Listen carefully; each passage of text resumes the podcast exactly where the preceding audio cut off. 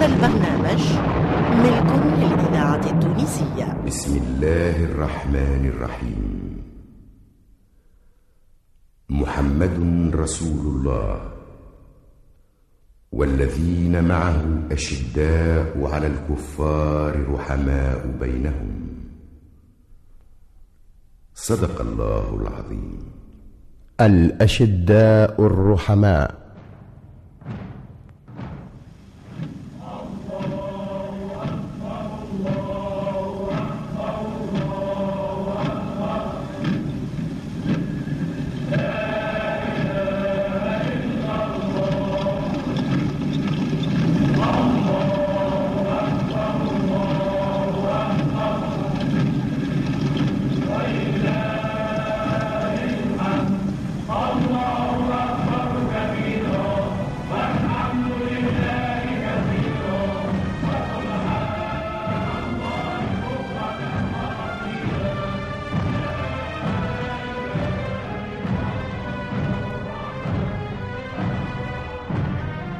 موعد تلتقون فيه مع الفرقة التمثيلية للإذاعة التونسية. إعداد وإخراج محمد ممدوح.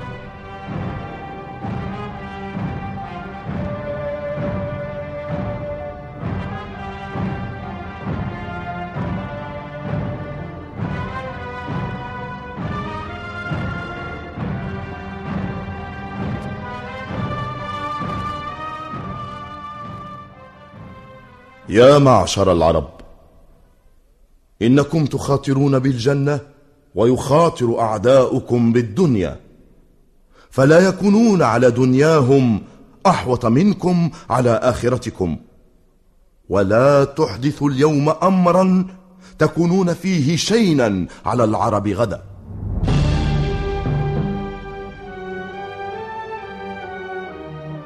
من يكون؟ إنه من أصحاب رسول الله صلى الله عليه وسلم. نسوق لك صديقي المستمع أهم مراحل حياته وتتولى أنت الكشف عن اسمه.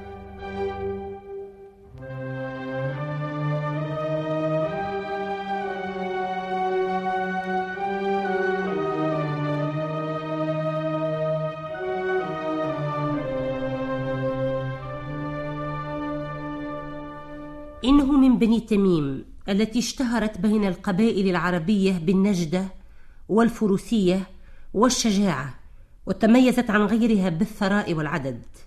تأخر هذا الصحابي في إسلامه إلى ما بعد غزوة تبوك وهي آخر غزوات النبي عليه الصلاة والسلام. وفد هذا الصحابي مع نفر من قومه إلى المدينة المنورة ليعلنوا إسلامهم. حين لحق رسول الله صلى الله عليه وسلم بالرفيق الأعلى ارتد التميم مع من ارتد من العرب. ولكن الله عصمني وصحبي من الردة. فقد انضممنا تحت لواء جيش خالد بن الوليد لقتال المرتدين.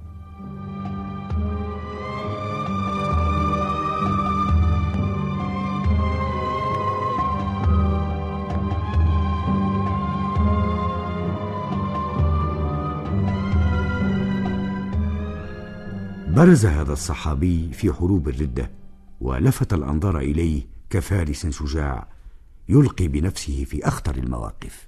من أجل ذلك وجهه خالد بن الوليد إلى العراق على رأس جماعة من الفرسان. أيها الفرسان مهمتنا صعبة ودقيقة. سنكتشف أمام الجيش سلامة الطريق وأمنها. وسنزيل ما يمكن إزالته من عوائق. سنشاغل العدو الإذاعة التونسية الذاكرة الحية. فاستلهموا ربكم سبحانه أن ينصرنا على عدونا.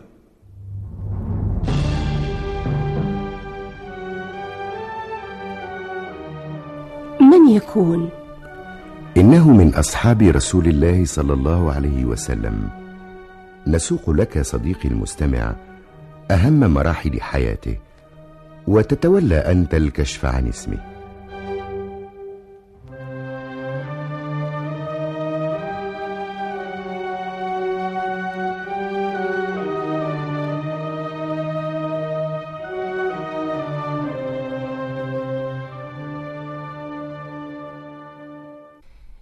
عبد الله بن عباس ولا بلال بن رباح. ليس عبد الله بن مسعود ولا سعد بن عبيد.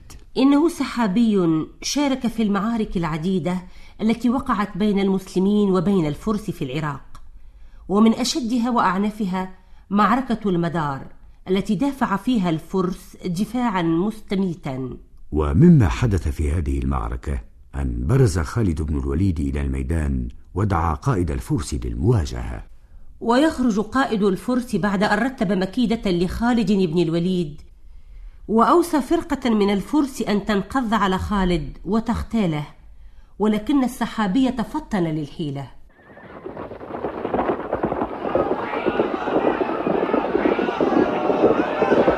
إني ألمح تحركات في جيش العدو.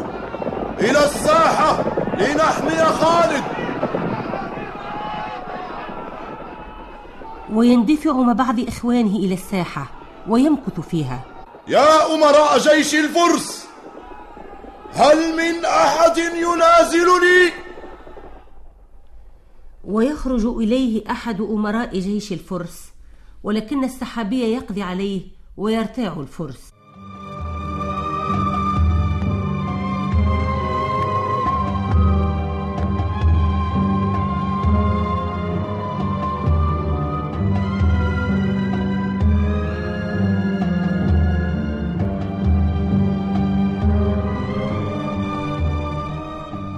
وتستمر المعارك في مناطق أخرى إلى أن وصل جيش الإسلام إلى دومة الجندل. ويرسل خالد بن الوليد هذا السحابي لأسر أميرها. لقد غدر أمير دومة الجندل بالمسلمين مرات كثيرة فلا بد من تأديبه ليكون عبرة لغيره. فأنا أعتمد عليك وأثق بمهارتك وقدرتك. سآتيك به أسيرا مكبلا. إن شاء الله. ويستطيع هذا السحابي أن يؤسر أمير دومة الجندل الذي أمر خالد بن الوليد بضرب عنقه.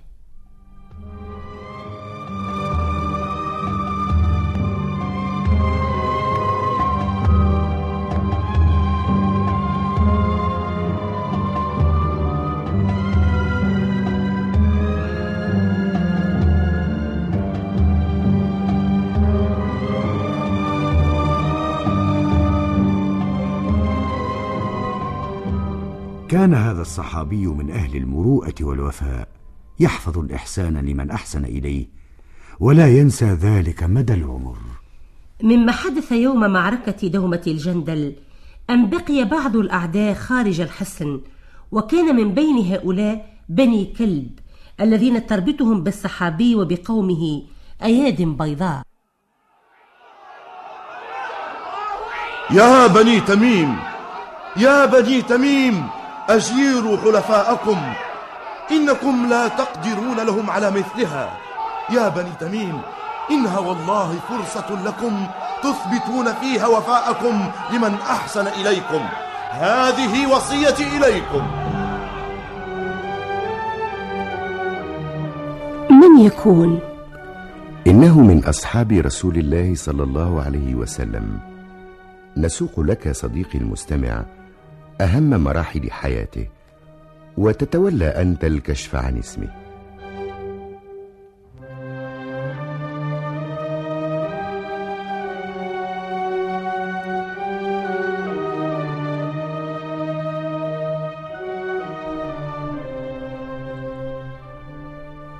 ليس البراء بن عازب ولا سعد بن معاذ. ليس الأحنف بن قيس ولا أبو عبيدة عامر بن الجراح. إنه صحابي كانت وصيته سببا في نجاة بني كلب من القتل. فقد أمر خالد بن الوليد بقتل الأسرى إلا بني كلب لأن الصحابي وقومه أمنوهم. ويريد خالد بن الوليد أن يصطحب الصحابي معه عند توجهه إلى الشام. ولكن المثنى بن حارث الشيباني الإذاعة عارض التونسية ذلك وتمسك الذاكرة الحية. معه في العراق يستظهر به على عدوه.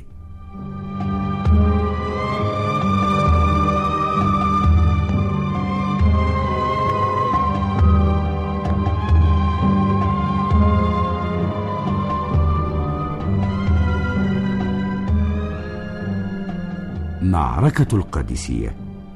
إنها المعركة الحاسمة في فتح العراق. وسبقت تلك المعركة مفاوضات بين سعد بن أبي وقاص وبين كسرى. اخترتكم لمفاوضة ملك الفرس فإن لكم مهابة وآراء واجتهادا. كان السحابي ممن أرسلهم سعد بن أبي وقاص لمفاوضة كسرى الذي غضب على المفاوضين العرب. ائتوني بوقر من تراب واحملوه على أشرف هؤلاء. أنا أشرفهم. أنا سيد هؤلاء. سأحمل التراب على عنقي.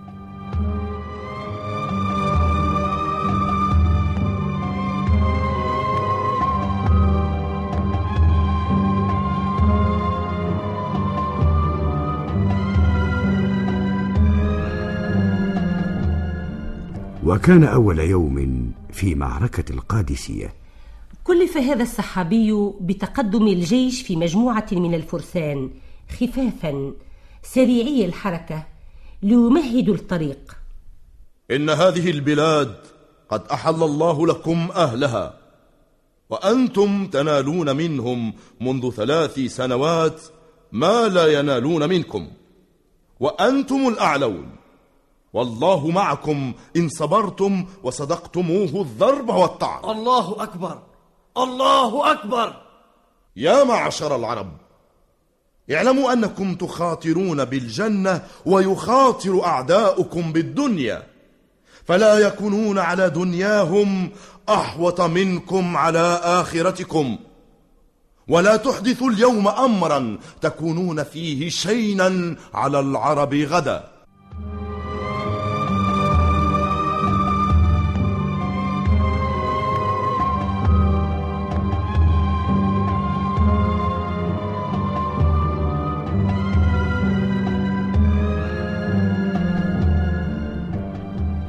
إنه سحابي فرج عن المسلمين يوم القادسية كربا عظيما وبدل موازين المعركة لصالحهم.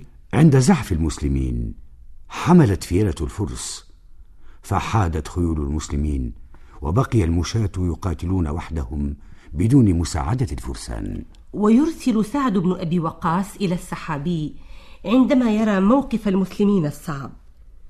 يا معشر بني تميم يا معشر بني تميم ألستم أصحاب الإبل والخيل؟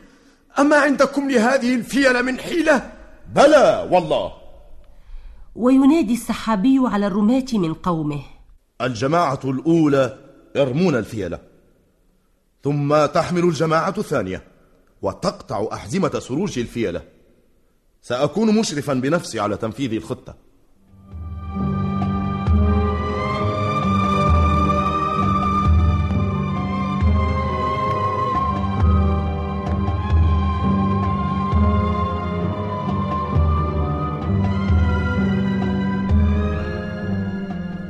وتتابعت أيام المعركة وتتابعت معها بطولات هذا السحابي حتى كان النصر للمسلمين. ورد الأمر من الفاروق عمر بن الخطاب بالسير إلى المدائن عاصمة الفرس. وسار جيش الإسلام وقاتل في بابل الفرس الهاربين من القادسية حتى هزموهم ثم ساروا إلى المدائن.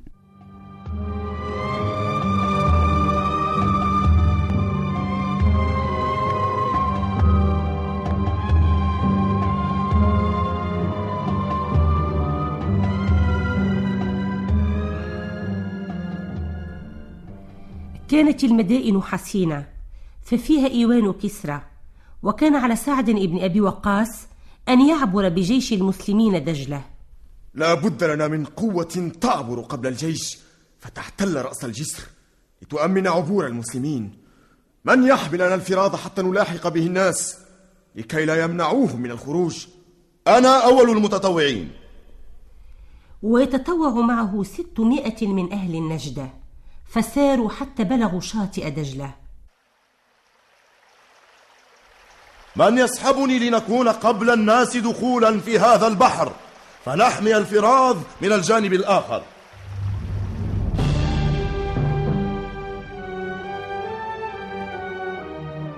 من يكون؟ إنه من أصحاب رسول الله صلى الله عليه وسلم. نسوق لك صديقي المستمع أهم مراحل حياته وتتولى أنت الكشف عن اسمه.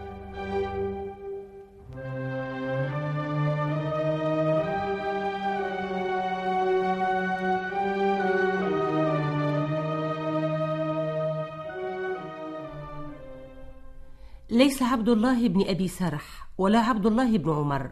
ليس الزبير بن العوام ولا علي بن أبي طالب. إنه صحابي الإذاعة انتجب له ستون فارسا لدخول. دجلة وحماية الجانب الآخر وهؤلاء الفرسان هم الذين أطلق عليهم اسم كتيبة الأهوال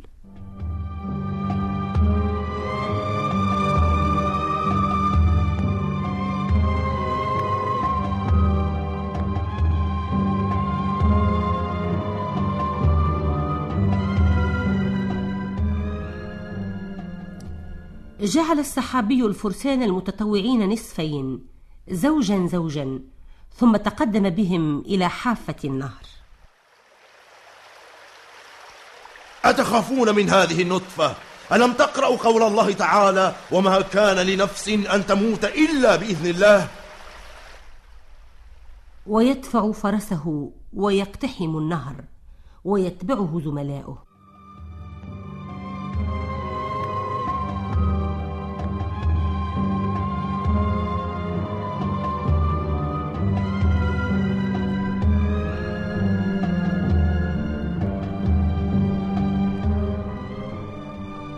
ويرى الفرس المسلمين يقتحمون النهر فيبعثون فرسانهم ليقتحموا النهر أيضا. ويتلاقى الفرسان في وسط النهر.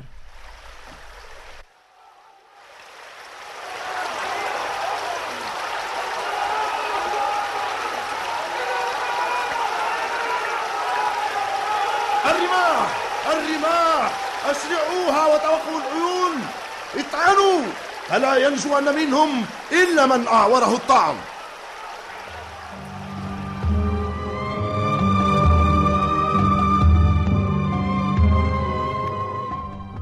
من يكون؟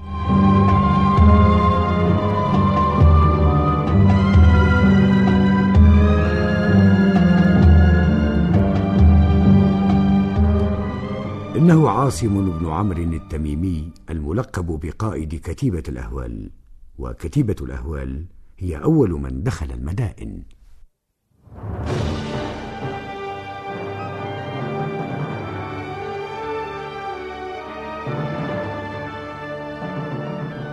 صديقي المستمع لنا لقاء آخر بحول الله مع صحابي من أصحاب رسول الله صلى الله عليه وسلم.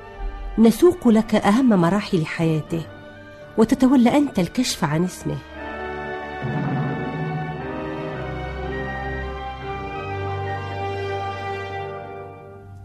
إلى اللقاء.